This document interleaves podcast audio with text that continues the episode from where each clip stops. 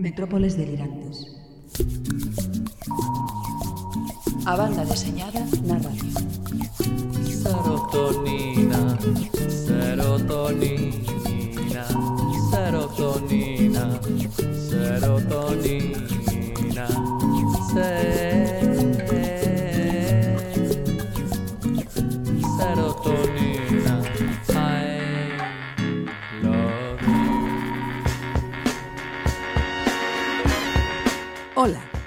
Son Nieves Rodríguez e aquí comeza a 58ª emisión das Metrópoles Delirantes.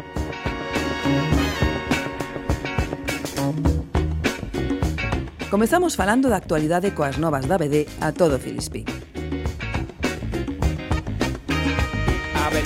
O señor B fai imprescindível unha obra que foi Premio Nacional en a que os autores fan unha homenaxe a unha xeración que perdeu moitas máis cousas cunha guerra, el arte de volar de Altarriba e Kim. Escoitaremos a segunda das entrevistas que gravamos no pasado Viñetas desde o Atlántico. Desta volta a Daniel Torres, o valenciano contounos moitas cousas do seu La Casa.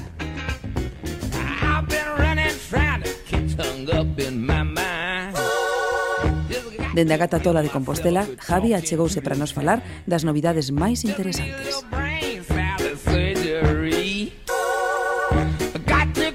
A nosa técnico, Tania Rosov, xa ten pronta embarcación. Partimos xa. Been in the right place, but it must have been a wrong song. I've been in the right vein, but it seems like a wrong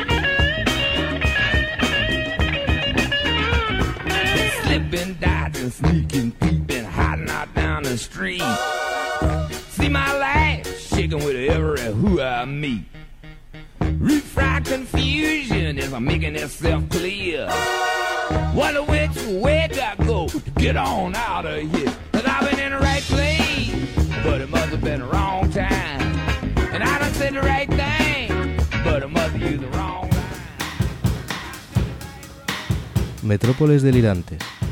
A banda deseñada na radio. En a nosa embarcación temos sempre un oquiño, un sitio reservado para o noso señor B. Hola, señor B. Hola. Como vai? Bene. Bene. Va bene. Alegrome moito logo. Bueno, pois comezamos. Maior co... que vostede, non? Por que ten, logo? Ten a voz así un pouco... Un pouco atravelada. Sí, o, o Nordés parece que non lle sentou moi ben. Mm, o Nordés entrou pola fiestra da miña habitación en este entretempo que se lle chama... Eh, pois colleume un pouco frío, si, sí. que pasa? Decía a miña nai, unha rebequiña de entretiempo. Aí estamos, sí, señor. Pois teñolle que facer caso a súa nai, sí, señor, porque eu deixeina de lado e, mire, bronquite o canto.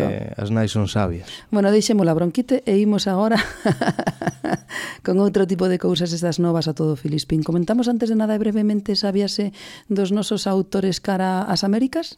Sí, eh, hai unhos anos Astiberri publicaba un libro chamado Panorama que editou Santiago García no que publicaban historietas de varios autores dun, dunha vintena máis ou menos de autores españois, na que había tamén representantes galegos. E, pois, unhos anos despois, eh, a editorial americana, norteamericana Fantagraphics, unha editorial importante en Estados Unidos, edita ese libro co título de Spanish Fever, pois alá que foron Santiago García, David Rubín, José Domingo, Olivares, eh, Ana Galván... Etcétera, etcétera. Fixeron un viaxe a facer as Américas, nunca mellor dito, e estuveron no SPX, que é un festival independente moi interesante, moi importante en Estados Unidos, e parece ser que foi todo moi ben, non? Que moito éxito e que bueno, están abrindo aí un camiño. Ademais, eh, xa se confirmou que se vai editar o Beowulf de do propio Santiago García en Estados Unidos, o sea que moi boas novas. Ademais, creo que é unha moi boa nova que se implicara a administración eh, neste viaxe, facilitándolles eh, as cousas. Eh, bueno, igual é un camiño, non? Igual abren por aí un camiño que sería interesante que as administracións empezaran a, a apoiar a banda deseñada tanto como fan polo menos o resto da literatura, que mm. tampouco é que se xa moito, pero bueno, sempre máis que o que fan coa banda deseñada. Bueno, pois é un comezo, non, señor B? A ver se ese comezo non queda aí, non queda aí e sigue pa diante medrando. Eh, sigamos adiante despois de comentar esta viaxe que nos alegrámonos moito de que fose moi moi moi ben, pois seguimos con máis novas eh, que veñen dende aquí, dende o lado, dende Euskadi, non? Sí, en Euskadi, no Salón do Cómic de Guecho, que este ano vai homenaxear na súa 15ª edición o artista argentino Horacio Altuna, autor de, entre outros, El Loco Chávez ou Las Puertitas del Señor López. Eh, neste mesmo festival tamén recibirá o Premio do Salón o ilustrador, pintor, escultor e escenógrafo José Ibarrola. O salón terá lugar eh, do 18 ao 20 de novembro e e ambos autores protagonizarán sendas exposicións con algúns dos seus traballos máis representativos na historieta. Aí está o Salón de Guecho, que a ver se este ano podemos caer por aí, aínda que... Mm, vai estar difícil. Ah, no, no, no, no, aínda que eu penso que por traballo me parece a min que imos... Eu empezo a pensar que temos unha maldición sí. cos cos salóns. Sí, igual sí. Se podemos ir a Comic Con que cadrará seguramente nunha ponte, nunha ponte no Estado español, pois xa igual xa nos temos que dar con cun canto nos dentes. Sí. Bueno, pois que anunciou tamén a cúpula que estaba todo o mundo nas redes sociais mm, gritando e tirándose dos pelos e ¡ah! tipo fan. Pois anunciou para maior regocijo de certa parte do feminismo que Chester Brown ven a España en novembro eh, por desgracia solo será en Madrid e Barcelona pero bueno, xa sabedes que señoras radicais podedes ir a facerlle unha manifa ali a, a Chester Brown a protestar e a... Non descarte. Non, non, non descarte.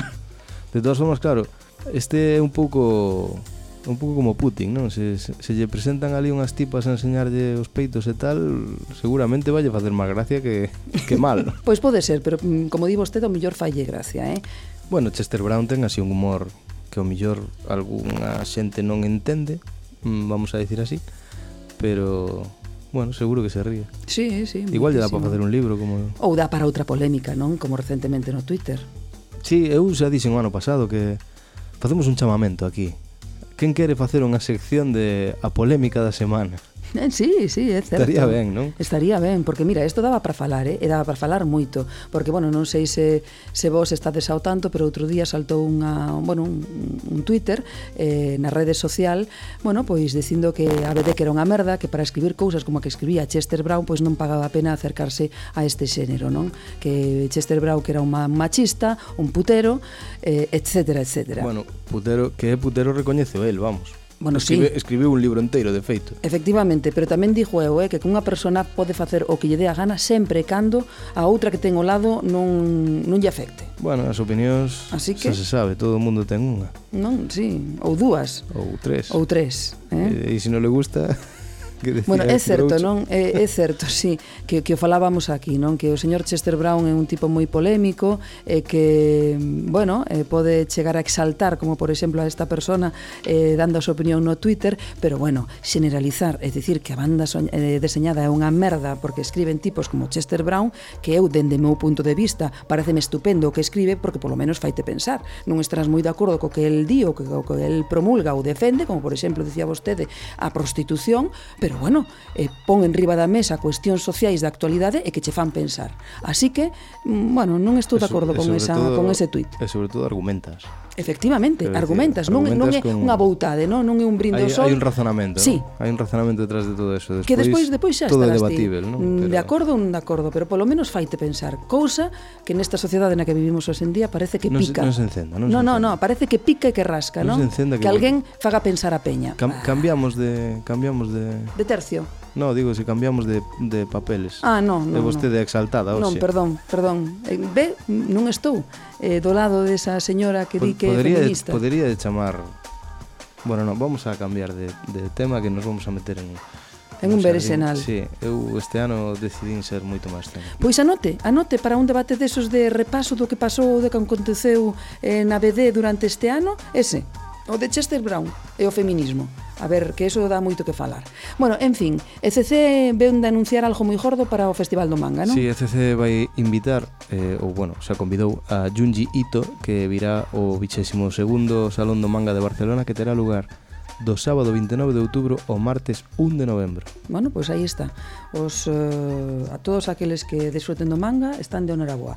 E seguimos adiante porque temos máis que comentar doutro salón. Sí, o Salón do Cómic de Barcelona que xa ten datas, eh, os cataláns son xente previsora e eh, fan as cousas como é debido. Estas datas son do xoves 30 de marzo ao domingo 2 de abril de 2017. Ademais, aínda que aínda é moi cedo para saber os nomes dos autores que, que van a estar convidados no evento, o que si adiantan dende a organización é que a exposición adicada a José María Blanco, gañador do Gran Premio da pasada edición do Salo, estará vencellada ao centenario da revista Tebeo, da que foi un autor de referencia. E bueno, iremos informando a medida que saibamos máis novas. Eh, xa por último, algo que vai acontecer na Coruña xa. Sí, diantámoslo no mes de suño, no último programa da pasada tempada con Emma Ríos, ela mesma confiábanos que ia, bueno, que estaba preparando daquela unha exposición da súa obra, concretamente de Pretty Deadly, e agora xa temos a data definitiva e, e quen vai ser o responsável da organización. O FKM, o Festival de Cinema Fantástico da Coruña, na súa oitava edición, é a entidade que organiza e presenta a exposición Bella Muerte. Esta consiste en 64 orixinais a tinta do libro homónimo e completarase cunha intervención mural realizada pola artista na sala de exposicións que xa hai fotos por aí circulando polas redes sociais e é Eh, amazing. Amazing, exactamente. e bueno, esta mostra pois continúa a serie de exposicións que o festival ven realizando na Fundación Luis Oane sobre a obra de ilustradores galegos pola, bueno, que xa pasaron por aí creadores como Manuel Cráneo, Luis Endón ou David Rubín unha exposición ben interesante, dende logo. A inauguración é o 1 de outubro. Exactamente. Na Fundación a, Luis Oane. A unha da tarde e ali, pois, bueno, poderemos escoitar unha selección musical tamén escollida pola autora, que iso é maravilloso. Maravilloso, sí. Bueno. E remato xa con unha nova que a mí me enternece. Bueno, pois veña, que sabemos que, que vostede fan. Sí, Blake e Mortimer cumpren neste mes de setembro 70 anos. O próximo álbum desta parella, que será o Testamento de William S., que será o 24, ten prevista a súa aparición precisamente para este outono, en principio en datas próximas a ver, a, a ver se é máis próximo outono ou máis próximo inverno, pero bueno. Está vostede, como dicía a miña abuela, que non mexa. Pois sí, estou aí impaciente porque os dous últimos tampouco me entusiasmaron, entonces teño teño ganas de ler un que, que me encha, non? Que como que, eses. Que digas ti me cago. Como como eses vos de, bueno, como os clásicos ou como eses vos, non? De o meu amado Van Ham. Ajá, aí está, no?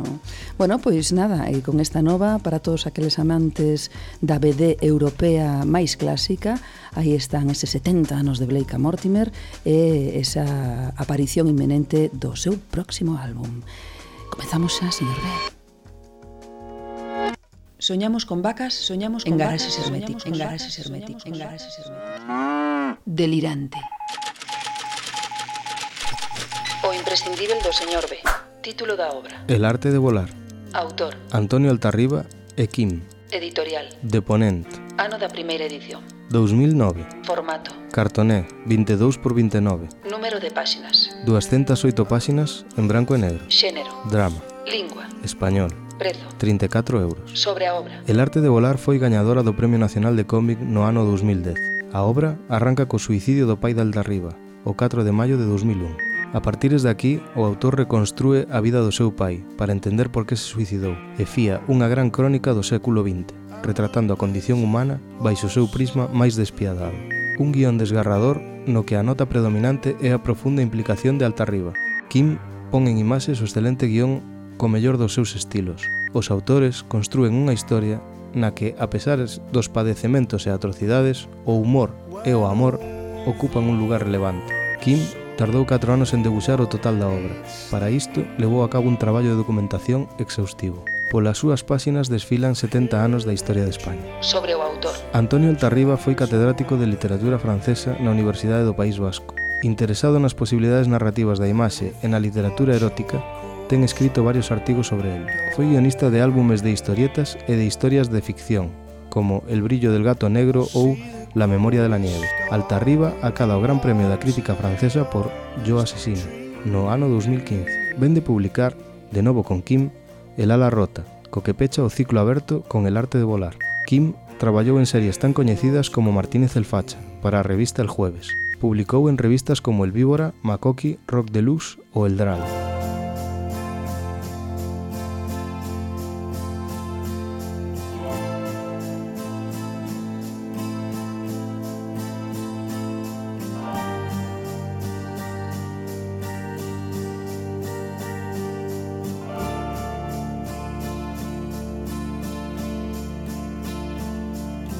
Quiero enseñarle a la gente lo que se puede hacer con la narración gráfica, con la imagen.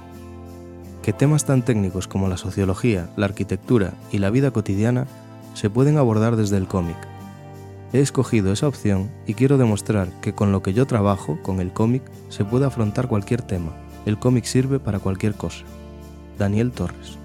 Uno de los invitados este año al Salón Viñetas desde O Atlántico es una de las figuras más respetadas y con una de las carreras más sólidas dentro de la escena comiquera del Estado.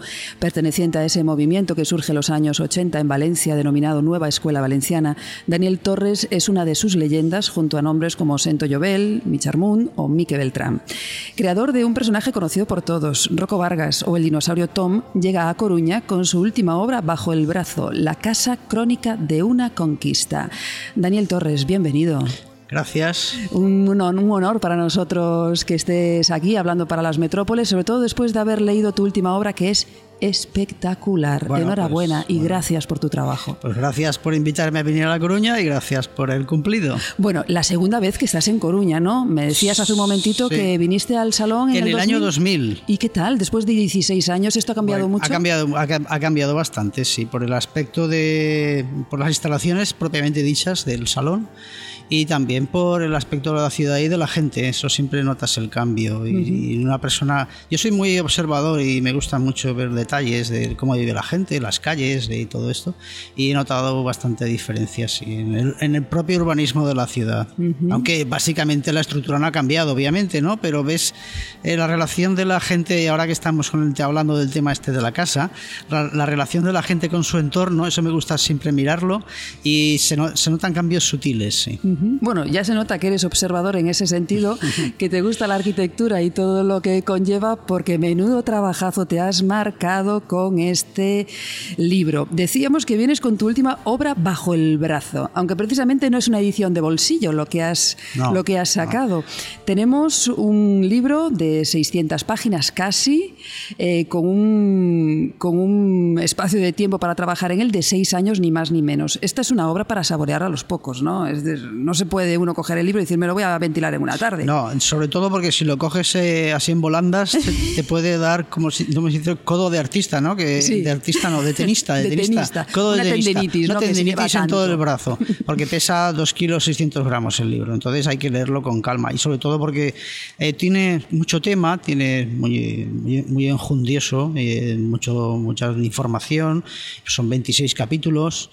Eh, el libro transcurre a, a, lo largo de 3.000 años en la historia de la humanidad, hay mucha documentación, mucho, muchos datos. Yo creo que el lector se marca su propio ritmo de lectura. Si es un lector muy ávido, puede hacer una lectura, digamos, seguida más o menos y rápida, y luego hacer una lectura más lenta para mm, saborear más esos pequeños detalles que yo siempre voy metiendo por todos lados. O sea que yo creo que es un libro como de doble lectura. Uh -huh. Aunque el texto de la guarda dice que no es un libro de historia, un tratado de arquitectura, ni un ensayo sobre antropología, sin embargo, quiero decir, es un cómic extraordinario, pero sin embargo también tiene todo eso, porque sí. hay historia y arquitectura sí. y hay antropología. Sí, es lo que podríamos llamar interdisciplinar, porque sí. hay de todo un poco. Hay arquitectura y historia de las costumbres, es muy importante en este libro, antropología también, sociología, hay interiorismo, hay historia del vestido, por ejemplo, eh, son todos los materiales que he tenido que utilizar para, digámoslo así, construir la casa.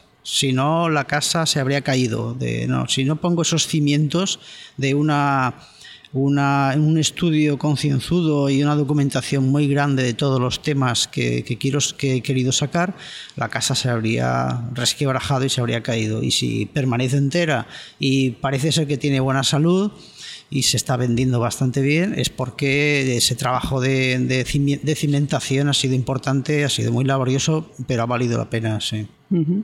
Yo he leído algunas cosas que has dicho tú sobre tu libro y tal, y una de las que me ha llamado mucho la atención y me ha parecido preciosa es que tú dices y afirmas que las casas tienen ADN, sí. igual que sus ocupantes. Sí, sí, sí. ¿no? Explícanos eso. Sí, eso es una tesis, pero es una, yo creo que es una tesis absolutamente válida si nos planteamos el tema desde el punto de vista de que eh, nosotros como, como entes biológicos venimos de un sitio, obviamente, eso ya lo sabemos todos, ahora que se, hace tiempo que se desentrañó los secretos de, la información genética, pero ¿por qué no puede tener información genética, dicho así, un objeto?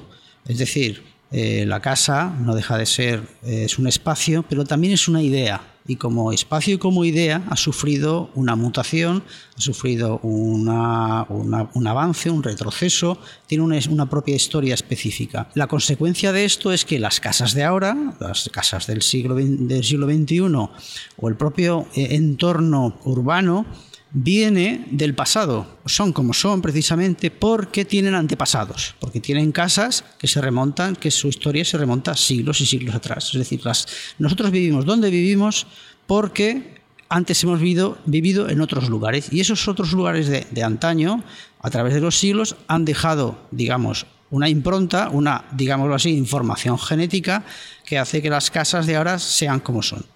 Eh, para bien o para mal, porque sabemos que las casas todavía no son perfectas, o, o- o la, más que las casas, el- la forma de habitar todavía no es perfecta. Podemos eh, dar el dato de que toda- en, el, si- en el siglo XXI, en este primer tercio del siglo XXI, mm, un tercio de la población mundial, un tercio, que es mucho, vive en chabolas. Claro, eso es un dato tremendo, porque estamos hablando de la casa auto- automatizada, pero al mismo tiempo de que hay gente que vive en condiciones infrahumanas. Eso es un fenómeno. Todo esto no ha surgido así por generación espontánea, ha surgido así porque tiene una historia detrás. Las casas tienen historia, igual que nosotros. Estudiaste Bellas Artes, Sí. arquitectura. Eh, arquitectura no lo terminé. No lo terminaste, es decir, pesó más Bellas Artes que, que que arquitectura al final. Es innegable si damos, hacemos un repaso por tu obra que la arquitectura siempre está ahí presente, ¿no? Es, Sí. eh, siempre, como un personaje más. Exacto. Pero con este libro, ese personaje ha adquirido protagonismo. Claro. Es el protagonista absoluto, Claro, ¿no? claro, Eh, Es porque- como una deuda que tenías ahí pendiente Sí, con la sí, arquitectura. porque, sí, porque mi tesis de que la arquitectura es un personaje más la he estado eh, utilizando durante toda mi carrera como dibujante, como, como ilustrador también. Llegó un momento que pensé que había que era el momento de subirle de escalafón y decir, bueno, ahora vas a ser personaje protagonista, no solamente uno de los personajes de la historia, sino el personaje de la historia. Y para eso mm, te voy a dedicar un buen, un buen número de páginas, un buen libro. Y de ahí surge la idea de hacer este libro, precisamente, de eh, ese gusto mío por la arquitectura, llevarlo un grado más y convertirlo en el leitmotiv de una historia, de, en este caso de una historia de 26 capítulos, cada uno de los cuales tiene como protagonista a una casa, cada una de ellas en un momento histórico, y cuento la historia de este espacio, de esta casa, a través de la gente que la ha habitado. Bueno, y seis años de trabajo, como decíamos, Mm. tres de documentación, casi 600 páginas. Eh, cuando comenzaste con la Casa Crónica de una Conquista, ¿sabías perfectamente que lo querías así, que ibas a llegar a ese punto? ¿O también fue mutando, igual que la casa a lo largo de, de esa Eh, obra que has hecho? Tú nunca sabes cómo va a acabar lo que empiezas. Eh, cómo va a acabar exactamente no lo sabes. Lo que sí que tienes que hacerte es una idea bastante concreta porque estás trabajando en un medio que requiere eh, unos esfuerzos muy grandes de producción. Entonces el editor, que es el que al fin y al cabo está arriesgando su negocio en esta historia, eh, quiere saber un poco mm, que lo mantengas al tanto de qué estás haciendo, de qué aspecto va a tener, eh, cuántas páginas va a tener, eh, si, en qué, características técnicas va a tener la obra, y todo eso ya lo sabes. El aspecto exacto al final no eres consciente de cómo va a quedar. De hecho, yo al principio, al principio y principio, no pensaba que saldrían tantas páginas, pero al hacer la diagramación y al, y al- estudiar los capítulos que iban a- que iba a necesitar para contar esta historia de la casa, me di cuenta de que nos íbamos a un libro de 600 páginas y mi editor dijo, pues adelante, vamos, vamos a por él y seguimos así. O sea que ya desde el principio el aspecto exacto no lo sabes, pero sí tienes una idea muy, muy concreta de cómo va a quedar, de lo que quieres hacer. Pero y hablando de tu editor, cuando tú le dices, oye, el libro va a ser así, sobre 600 páginas, va a ser un volumen contundente, eh, a tu editor no le entra miedo, hombre, sabiendo más que nada cómo se mueve el cómic hoy en día, ¿no? Que el cómic llega a una librería, está ahí dos mesitos, pasa, eh, si compras la novedad en su momento, guay, si no, después como ya vienen más, ya no has comprado ese libro, pues este, este libro es un libro contundente, con un precio que se sale de lo normal. No te dijo, oye, esto es una locura. Me lo Esto dijo. la gente no lo va a comprar. Me lo dijo, pero bueno, para beneficio de todos, seguimos adelante. Efectivamente. Eh, me dijo, tú estás loco, pues yo también. Y seguimos haciendo el libro. No, yo lo mantuve al tanto, yo no le engañé, precisamente. Eh, y le dije, oye, eh, nos vamos a este número de páginas, a todo color.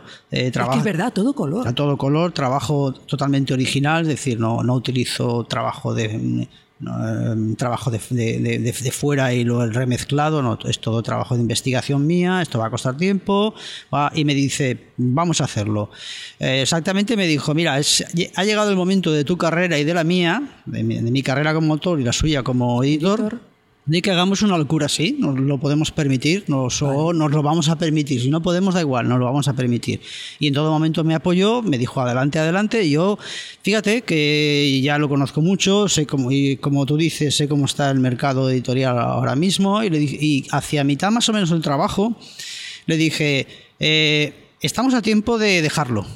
No va a pasar nada, eh, quedará como una aventura fallida o como algo que recordar cuando seamos más ancianos todavía. Sí. Eh, ¿Te acuerdas cuando quisimos hacer aquello y no pudimos? Ja, ja, ja, ja. Pero eh, me dijo, no, no, sigue adelante. Y en ese momento ya no había vuelta atrás. Porque ya había el punto de no retorno. El punto de no retorno era ese. Había mucho trabajo ya y dije, piénsalo. No se lo pensó ni un segundo. Me, dice, me dijo, no, no, adelante, adelante. Es una cosa que una locura. Igual no sabemos qué va a pasar con él, porque como tú dices, es un producto muy extraño eh, dentro del mercado.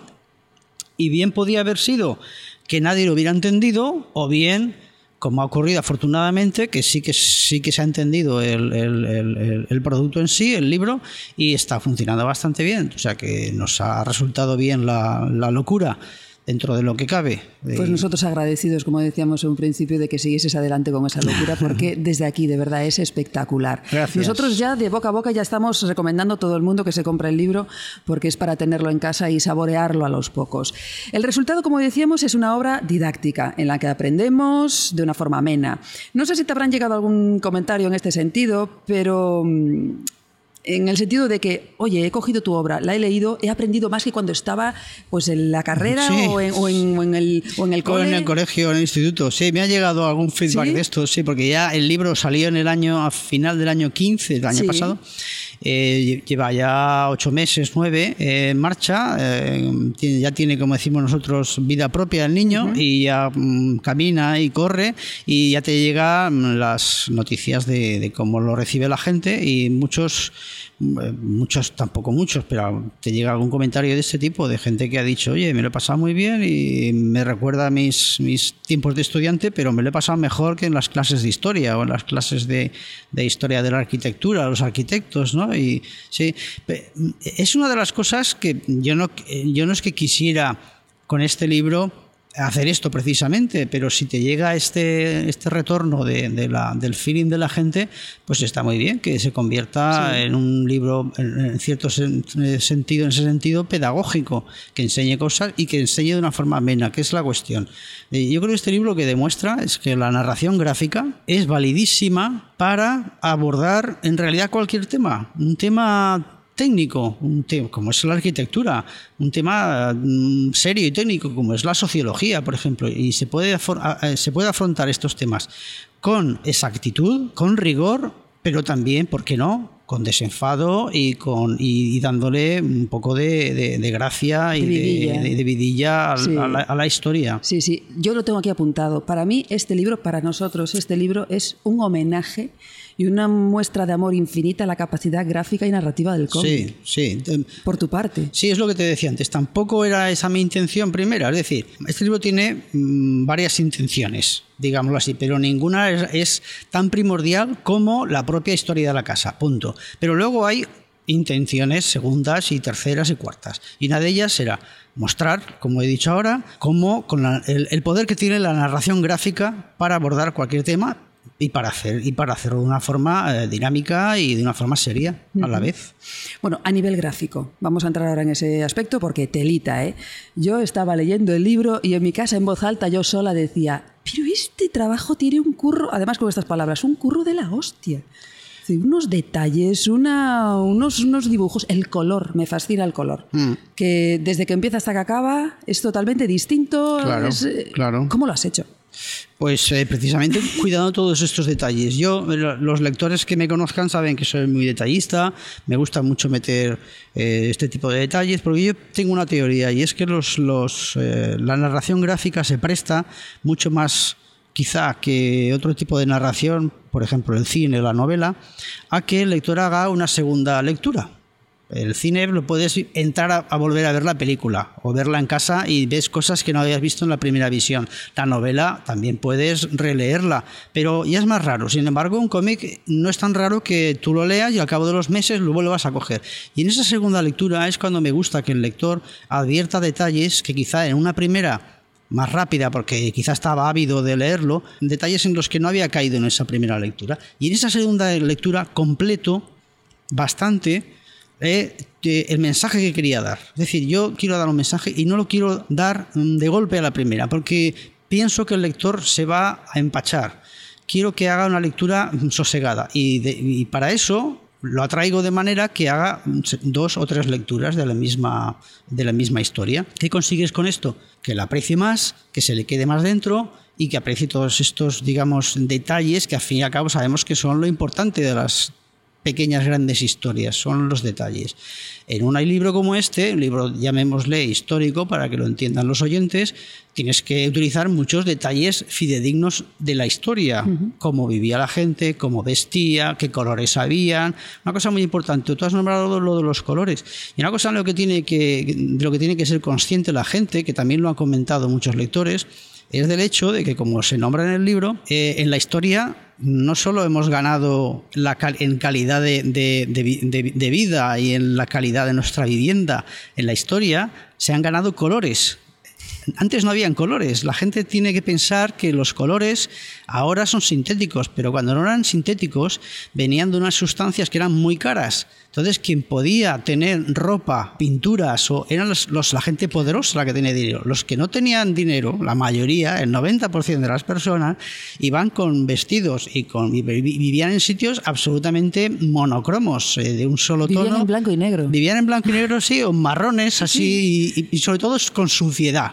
No existía el, el- el concepto de la limpieza tampoco, entonces toda la gente iba, pues la verdad, bastante guarra y con un tono así de barro. Y a lo largo de la historia hemos ganado en colores, y eso quería mostrarlo también en el libro. O sea, en la, en la gama cromática que he utilizado en el libro, la gente podrá ver que la paulatina aparición del efec- de los efectos cromáticos. Claro, eso nos cambia también. Ta- Todos sabemos que hay una cosa que se llama la psicología del color. Si ahora de pronto, por arte de magia, nos transformáramos todos en dos, en dos tonos, eh, nos volveríamos un poco locos. Un poco tarumba, sí. Igual nos íbamos a pegar todos por la calle. Entonces, el color lo que ha tenido es este efecto así de alegrar nuestra vida. Pero hay que ser consciente de que el color también ha tenido que eh, pasar una historia para aparecer. Al mismo tiempo que pues, eh, la- los vestidos, la gente eh, tiene que ser consciente, como cuento en el libro, que a lo largo de toda su vida una persona pues igual tenía dos vestidos o dos cosas, que, dos prendas para ponerse. Y no hasta hace mucho, ¿eh? Y no hasta hace mucho. Es decir, no, no nos vamos a remontar eh, dos siglos, ni cien años, ni tal, pero yo recuerdo eso, a familia, mi abuela, Claro. que tenía sus dos ropitas Claro. para cambiarse y que no tenía más allá. En eso también tiene razón, ha ido evolucionando Ha ido hasta llegar sí. a lo que hemos llegado hoy en Sí, día. sí, igual que las casas, que antes, eh, eso, eso lo sabemos por nuestros mayores, en una casa vivía un montón de gente y en una habitación a lo mejor dormían y vivían cuatro o cinco personas juntas. Y ahora dile a un joven que en su, su habitación tiene que compartirla con cuatro personas, verás, te, te tira por la ventana. Sí, sí. Claro. No, no, y está muy bien. Quiero decir, eh, son, son cosas que hemos ido ganando, pero hay que ser consciente de que esa conquista ha costado bastante. Ha costado bastante y a mí me da la sensación después de leer el libro que estamos yendo un poco hacia atrás, ¿no? Porque Sí, ahí. una involución estamos sufriendo con respecto a la casa también, ¿no? Sí. Hemos sufrido un montón para llegar a tener una vivienda digna, para tener todo el mundo, como dice el artículo 47 Sí, ¿no? de la Constitución, de que todo el mundo El- tiene derecho, derecho a una, a ve- una vivienda, digna, digna, sí. pero estamos viviendo momentos ahora que parece que estamos volviendo atrás, ¿no? Sí, sí, es que la historia no es una línea recta, es, Cíclica. es, es un cíclica o hace zigzags o avanza dos pasos y retrocede uno o al revés, avanza Claro. uno y retrocede dos. Eso cuando estudias historia te das cuenta de que ocurre así. Las conquistas hay que mantenerlas. No Eso es lo que más cuesta, ¿no? Eso es lo que más cuesta. Y sobre todo el, el- el dato que he comentado antes, ¿cómo podemos estar tranquilos, nuestra conciencia, digamos, de especie, sabiendo que nosotros, el mundo occidental, digamos, vivimos relativamente bien, en, en- en casas cómodas, eh, con salubridad perfecta y comodidad? Y hay un tercio de la población que vive como vivía eh, la gente en el siglo XII. Claro, eso es tremendo. El- la- esa, esa, esa paradoja es tremenda y, y hace retroceder un poco ese concepto de eh, sociedad de bienestar. Sí, efectivamente. De las 26 historias que disfrutamos en el, en el libro, 25 son en pasado, datos ya comprobados, ¿no? Sí. Pero te atreves con una en futuro. Claro. Y es muy interesante cómo planteas tus dudas sobre el futuro de nuestras casas Mm. Claro, claro. y por ende de los individuos que las van a habitar. Mm. ¿La máquina de vivir de Le Corbusier finalmente mutará en gran hermano de Orwell? ¿Cómo va a ser la cosa en el futuro? No lo sé. Precisamente, sí, el, el último capítulo es al que te refieres. Sí. El último capítulo es el que. a Yo tampoco mí- quiero contar mucho porque no quiero hacer spoiler, que yo quiero que la gente lea el No, libro. sí, lo- yo- y yo también. a mí me interesa que lea el Estamos libro. de acuerdo ahí, ¿no? Sí, estamos de acuerdo. Pero fíjate que yo contaba anteayer en la presentación del libro y hoy ahora hace un momento en la rueda de prensa, eh, yo pienso que es el capítulo más importante. acuerdo. Quizás sea el capítulo menos vistoso, porque ya como ya no tiene todas estas referencias históricas, pero a nivel de, el diálogo que se man- que mantienen los dos personajes, el pesimista y el optimista, el que dice, sí, sí, la, la tecnología nos sacará de problemas, y el que dice, "Mm, me parece que no, la tecnología mm, va a sacarnos de algunos problemas y nos va a meter en problemas más graves. Sí. Todos sabemos que hay una cuestión ahora muy, muy pendiente, muy, muy, muy de actualidad de cómo está cambiando nuestra vida Internet. Y eso sabemos que es un debate que se, se está promoviendo, se está, hay voces ya que alertan sobre nuestra absoluta dependencia de los ordenadores, de Internet, de los medios, de estos medios y gente que a- a- tiene alarma sobre este tema en, en- en relación con la vivienda lo mismo, es decir, es lo que comentábamos antes. ¿Qué tenemos? Casas automatizadas, tenemos robots, hace mucho que tenemos robots, la lavadora es un robot. La nevera es un robot, la tostadora, son- todos esos son El horno, robots, el sí, horno, sí, todos son robots. Que nos sirven, son máquinas que nos sirven, perfecto. Todo eso hace nuestra vida más agradable y mejor, bien. Pero pueden traer también problemas, esa dependencia excesiva de la tecnología. Y sobre todo, insisto, en que hay gente que, y no nos vayamos al tema de, la vivienda indigna, o sea, de la chabola, pero sabemos que en estos últimos años en este país se ha dado el tema te- eh, tremendo de los desahucios. O sea, ¿cómo es posible que después de haber alcanzado esta conquista de la casa digna nos la quiten? Nos la quite un banco, que precisamente no es uno de los, de los estamentos más simpáticos que tenemos en nuestra sociedad. Sí. Y por eso se ha convertido en, en estamentos tan antipáticos para todos nosotros. Eh, ¿Cómo conjugamos esas dos cosas? Es decir, cómo hacer que la economía, la política y la, digamos, el urbanismo vayan de la mano y no se, no se peguen unos con otros. Ese es un problema muy importante que tenemos que solucionar. Eh, que no soy yo que lo va a solucionar con este libro, evidentemente. Lo que he querido en este último capítulo, con ese diálogo de esos dos personajes, es que la gente también se formule esas preguntas que se formulan ellos. En ese sentido, esto es un libro abierto. No es un libro que se cierra con la palabra fin, sino es un libro que se, que se encierra con la pregunta, ¿qué piensas tú de este tema? Entonces el lector tiene que reflexionar y pensar y quizá dialogar con sus amigos que también hayan leído el libro o con otra gente sobre esa pregunta. ¿Vivimos mejor? ¿Vivimos peor? ¿Qué, qué hemos conseguido viviendo mejor? ¿Qué hemos perdido viviendo mejor como Va dar- sociedad? no me cabe la menor duda que va a dar eh, lugar a muchas tertulias y a muchos debates. Eso este espero, libro, ¿eh? por eso está hecho ese, Sí, capítulo así. Es un capítulo que al principio piensas, ¿qué, qué capítulo más mm, distinto a los demás? Porque es muy monótono, quiere decir, no hay es, es un estudio de televisión, podemos decir, Sí, lo podemos sí. decir a los oyentes, en la que hay una entrevistadora, como eres tú, por ejemplo, tiene a dos personajes que sabe que tienen ideas antagónicas, antitéticas, y que cada uno va a mantener una postura y va a razonar su postura. Y las dos posturas, como dice la, la entrevistadora, son correctas. Sí, válidas, Ni- válidas. Ninguna de ellas invalida a la otra. Lo, lo importante es que conocer esas dos mm, posturas da información a la persona, al- a- en este caso al oyente del programa, de cuál es su postura. Si queremos que la gente tenga ideas sobre las cosas, tenemos que informarla. Eso lo sabéis vosotros perfectamente. Y para informarlos hay que darles A y B. Y que luego elija su camino, el A o el B o el C, Sí. el suyo propio. Sí, Y- efectivamente. Y, de, por eso está- está ese capítulo ahí en- en- al final del libro. Podríamos pasar muchísimo tiempo más hablando sobre este libro, pero vamos a tener que ir cerrando ya la entrevista. Ya para terminar, eh, en estos seis años de trabajo con la casa, aún tuviste tiempo de hacer más cosas. Te has estado trabajando en Rocco. ¿Cómo sabes tú eso? Ah, ¿Es cierto muy no? Pues es cierto, pero es una cosa curiosísima porque la gente no se lo cree. Yo he estado trabajando seis años en la casa, pero los fines de semana los dedicaba a Rocco Vargas. Que vas a Es una- sacar ahora algo con, Esa- con sí, él, eh, ¿no? acabo de terminarlo Sí, antes ¿no? de venir a Coruña. Has dejado los deberes hechos. Eh, está, sí, sí, cerré el libro. Hice la- lo último que hago de los libros es la portada y la terminé y está todo guardado en un cajón. ¿Qué nos vas y, a contar? Y entrego a y entrego los originales a- ahora, ahora a- en septiembre y empieza ya el- la producción, La y, sal- y producción. saldrá a primeros de año que viene. Ah, qué bien, qué bien. Y no nos vas a contar nada, ¿no? De que no, No, que- no, no, no, no. Pero antes de, antes de Rocco Vargas saqué un nuevo libro también después de la casa. Claro, es que la casa, la- la- los oyentes tienen que saber que no la terminé ayer. La terminé en verano del año 14, es decir, hace dos años. Y desde entonces he estado haciendo, he estado pintando. Sí. Hice un libro de Tom en Barcelona, Mm, el personaje del dinosaurio, y, y el de Rocco Vargas. O sea que esto. La casa, No, la casa, como decía antes a alguien, es un gran esfuerzo, mm, digamos, gimnástico, pero como todos sabemos, cuando hacemos un, un gimnasia fuerte, luego hay que estirar. Si no, te puedes hacer daño. Y los estiramientos han seguido Tom y Rocco Vargas.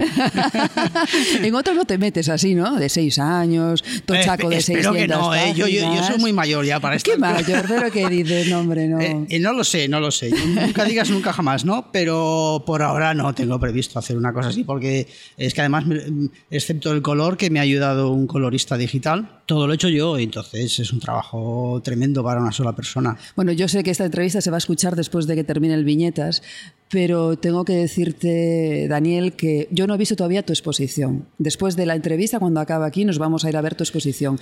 Pero me ha llegado mucho feedback de compañeros, incluso de gente que no tiene relación con el cómic y que no es habitual lector de cómic. Y todo el mundo ha coincidido. Qué pasada la exposición de Daniel Torres, cómo trabaja ese hombre. Bueno, estamos hablando con gente que sí que tiene relación con el cómic. Es increíble esos originales que tiene, esos tamaños. Es decir, eso ha sido un esfuerzo titánico. Yo estoy deseando verla. Sí, sí, es un esfuerzo muy grande. Es, eh, pero bueno, es que cuando, cuando entrevistas mm, a los, a los autores de cómic te darás cuenta de que una cosa que luego se lee en 15 minutos, en 20 minutos, ha costado muchísimo trabajo. Ay, sí. Aparte de lo que eh, de, la, de la propia eh, los propios conocimientos que ya tiene el autor, ¿no? Pero es que aparte de eso eh, son horas, horas, horas y horas de trabajo, aparte de un poco de la facilidad o de la de escribir y, dibujar. Es luego ponerte a eh, sentarte a trabajar. Bueno, pues nada, recomendamos desde aquí, señoras y señores, Daniel Torres, él escribe, él dibuja, por favor no se lo pierdan. No es como Lola Flores que no sabía hacer nada y no se la podían perder, él sí sabe hacer de todo y no se lo pueden perder. Gracias Daniel, Gracias a un vosotros. placer inmenso, de verdad. Igualmente. Y gracias otra vez por tu trabajo. Gracias a todos. Chiamos en arroba metrópoles de.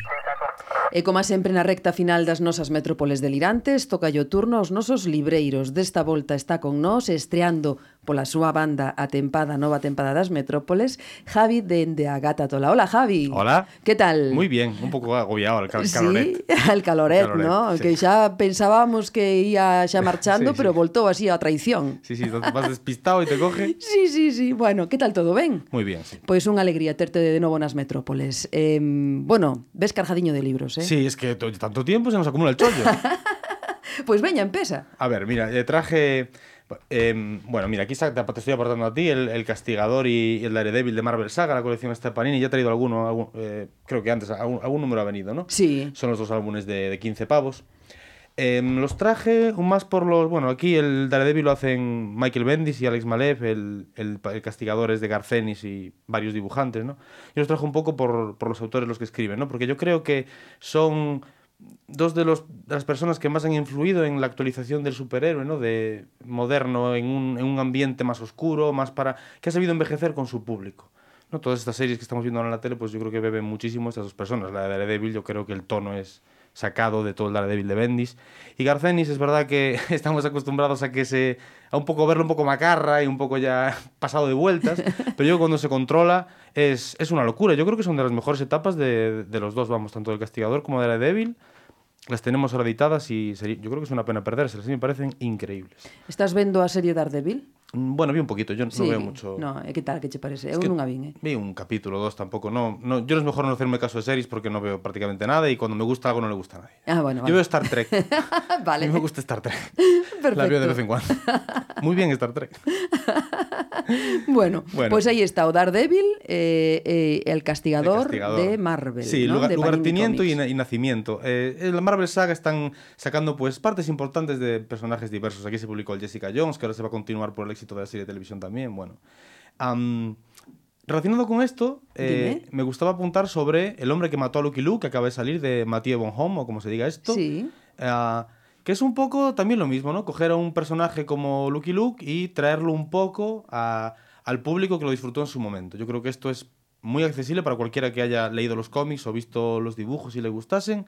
Eh, ha hecho antes, bueno, supongo que lo más famoso, la, la gente lo conocerá por el Marqués de Anaón, pero también hizo el Texas Cowboys. Entonces, los clichés del género, aunque no abusa, los maneja muy bien. No tiene igual la crudeza en la adaptación que decía de Daredevil y Punisher, sigue manteniendo un poco la ingenuidad de Lucky Luke, pero ya se nota que no es para un niño de 10 años, ¿no? Esto ya Que está xa pasando. madurou Lucky Luke, ¿no? Sí, es para un adulto, vaya. Sí. No tiene, insisto, no es súper crudo, no es no son vaqueros violando a nadie, ¿sabes? Lo que quiero decir es que, bueno, no es Sam Peckinpah, pero está actualizado y yo creo que les ha quedado muy, muy bien. Yo, vamos, lo, lo probaría, vamos, por lo menos Sí. echarle un ojo, sí. Aparte Gustouche logo. Muy bonito. Me lo pasé muy bien. A mí Lucky Luke, la verdad es que no me gusta mucho y esto lo cogí con ganas y muy entretenido, sí. Pero siguen as mesmos, os mesmos personaxes de sempre. eh. Todo está, sí, bueno, no vi los Dalton por aquí, ¿no? Y el caballo no se pone a hablar, pero es un poco eh, actualizado. Ingenuo un poco, pero actualizado. Con muy garra, bien. con garra. Con garra. Ah, pues ahí está, pues ahí está, El hombre que mató a Lucky Luke de Mathieu Bonhomme, eh, esa que fai este home pois a este personaxe que viviu con nós de, de, de que éramos Sí, pequeniños. sí, sí. Así que aí está, outra. Seguimos? Y con, no, a raíz de estos tres también lo relaciono un poco con el Monstruosidades de Steve Niles y Bernie Wrightson. Esto es un trabajo, a red, bueno, desde principios de los 2000, pero bueno, actual para esta- estos dos, ¿no? Eh, Bernie Wrightson supongo que lo más famoso puede ser la, la Cosa del Pantano, el creador de La Cosa Ajá. del Pantano, y a bueno, esas láminas de Frankenstein que seguro que la gente que haya visto un poco pues igual las ha visto, bueno, tuvieron repercusión porque son muy bonitas. Un que maneja el lápiz como nadie, ¿no? Y esto sí que es exactamente igual que se hubiera hecho en la época dorada de la revista Creep. Y este, el terror clásico este, si te gustaba eso, pues ahora tienes algo nuevo, pero en- completamente en ese estilo. O sea, lo ves y no hay, no hay mucha diferencia entre lo que se hacía antes, pero ya el público era adulto de aquellas, ¿no? Entonces ahora lo puedes seguir disfrutando. De vai isto? Pues estas son tres historias que han hecho a estos dos que em, colaboraron ahí en una historia, no recuerdo el título, y bueno, se lo pasaron muy bien. Hicieron tres historias en el mismo universo. ¿Y qué quieres que te cuente? Pues detectives zombies, monstruos de pesadilla inventados, insectos gigantes, todo lo que se te pueda ocurrir de terror, el terror más clasicorro, ¿no? Más un poco de serie B incluso.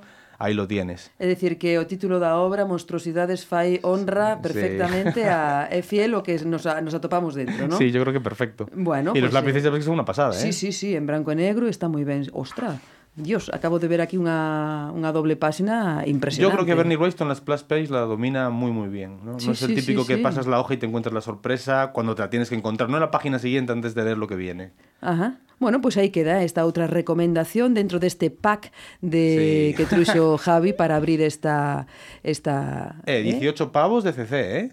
Ah, amigo, vale, sí, tocho, eh? que non sempre decimos que sí, CC ten uns prezos aí o señor B sempre se queixa de que os prezos de CC son así moi disparados pero este está ben, eh, señor los tiene, B los tiene, los tiene disparados, pero dicen este a, dicen a miña terra o meu campillo unha mosca Amigo, bueno, bueno, bueno Pois pues que moscaza, eh? E pesa, eh, pesa eh? No, no, pero está ben, está sí. ben que moscaza. Non, non, todo, non todo é de precios desorbitados Bueno, pois pues aí quedan este pack de... Como lle poderíamos chamar a este pack?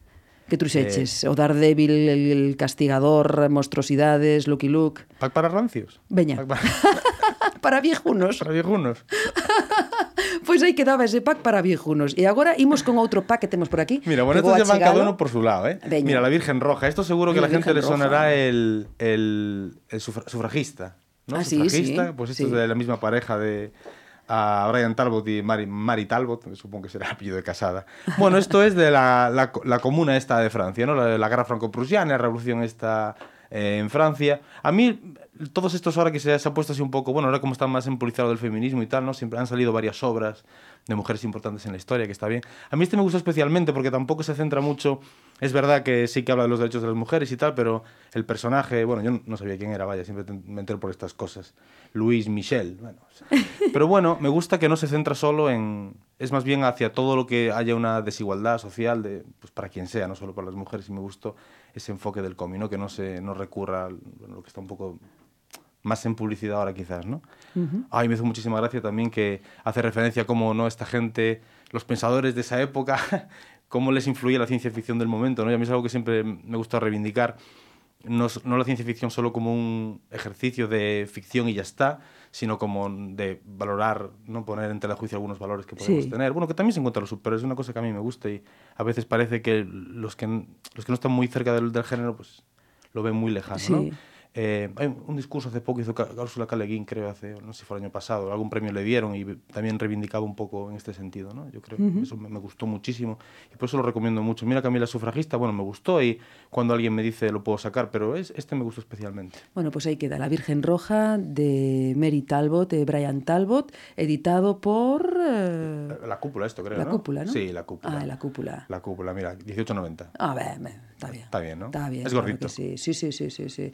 Aparte, xa non é que se xa gordo, senón que se o contido interesante, pagas eso sí. máis, ¿no? A mí yo creo que todo esto que... está, está moi bien. Pero nos están surgiendo aí un montón de, de cómics sobre la vida de gente interesante que, bueno, que está bien, ¿no? Yo, no quiero ir ya, a la vida de Einstein ya me la sé, me gusta esta gente que está un pouco olvidada. Ademais, estou vendo así por dentro que ten esos deseños de páxinas, viñetas, parecese moito a, o cómic este de la Cruxidot, da la Cruxodet de um, Mauvais Genre nen, ojo, é que non sei a traducción. Degenerado. Degenerado. Ah, degenerado. Que tiña así tamén estos, parecen daguerrotipos. Eh, eh, sí, el tipo de... Sí. Las sombras o esto, sí, non sí, como sí, se sí, hace. Sí, sí, sí, sí, bueno, Brian Talbot yo creo que no eh, la, la rata mala puede ser quizás el, más conocido, pero luego tiene este espectáculo que es Alice in Sunderland sobre el teatro inglés este, que es una pasada lo que hace ahí. Branco e negro, con estes detalles así en vermello. que Sí, quiero decir que aquí está más comedido, ¿eh? porque estoy mencionando el Alice y a veces la gente se espera aquí una experimentación. Esto, bueno, está comedido, pero es un tío muy, muy eficaz.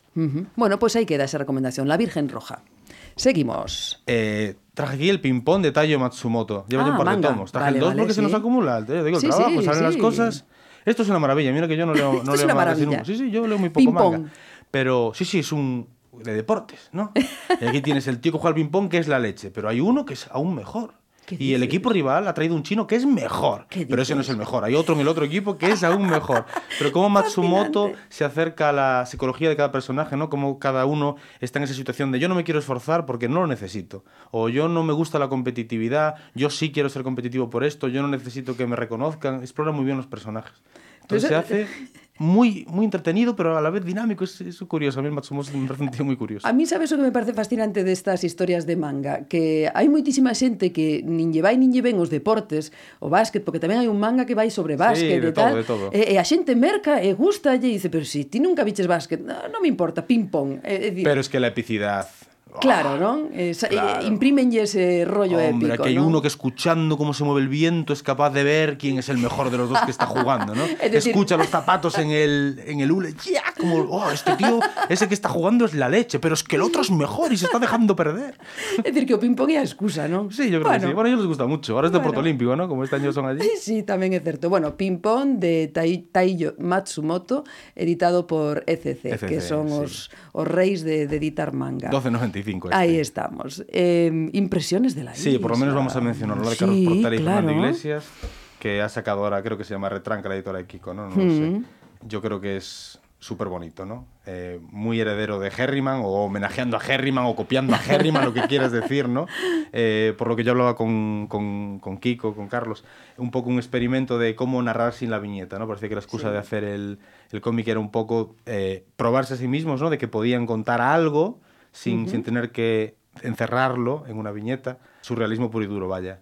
pero yo creo que gráficamente cualquiera que, que lo abra se va a enamorar. Es Sí, es que Fernando muy bonito. A verdade é que é que un mestre debuxando. Eh, bueno, esta historia xa é unha historia bella, antiga, non? Que foi Sí, editada, ya- decíasme sí, que yo creo que 20 años revista, puede ¿no? tener. Sí, ¿no? sí. Sí, ahora le han metido este sepia que tan adecuado, aparte que facilita un poco la lectura, ¿no? En blanco y negro yo creo que iba a ser un poco más, más confuso. E hai que decir que corregido e aumentado. Corregido e aumentado, sí. Sí, sí. sí, sí. Aumentado en todos os sentidos, non? Sí, porque, sí, tamén, porque, porque o tamaño, o tamaño, o tamaño importante. da edición, isto canto é? Eh, Dios mío, porque isto para levar un autobús para ler, carajo. Dos, dos cuartas. Unha, dúa, efectivamente, dos ni máis ni menos. Do, dos cuartas de... Dos por de unha e media.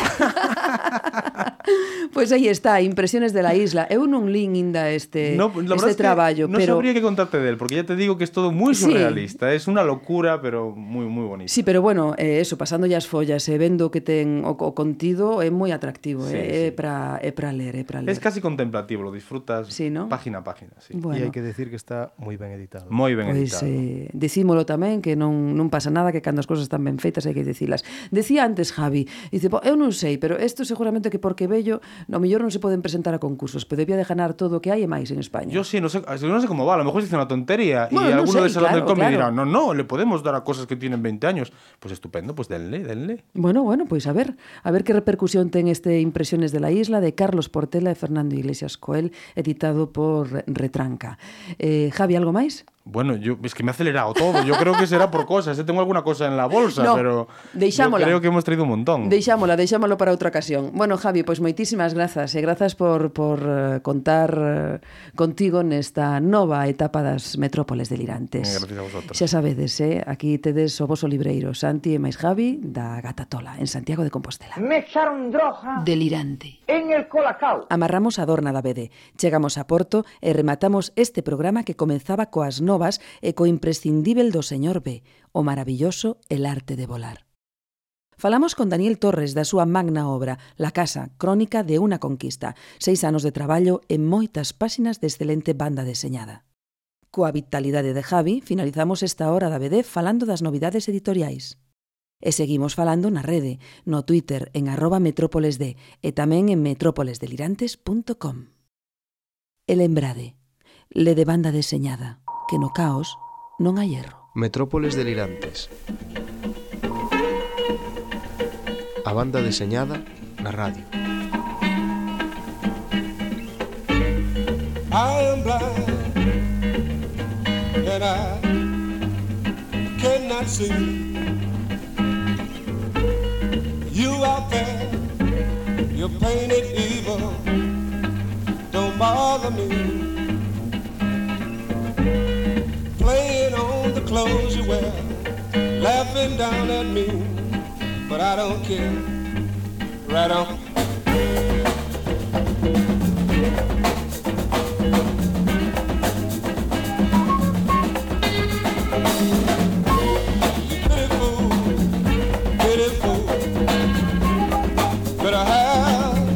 Sympathy.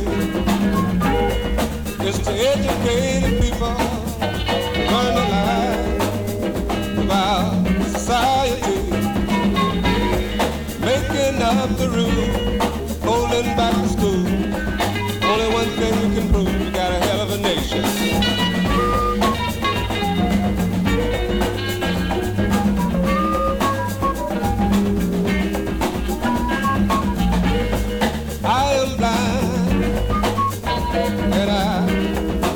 seem to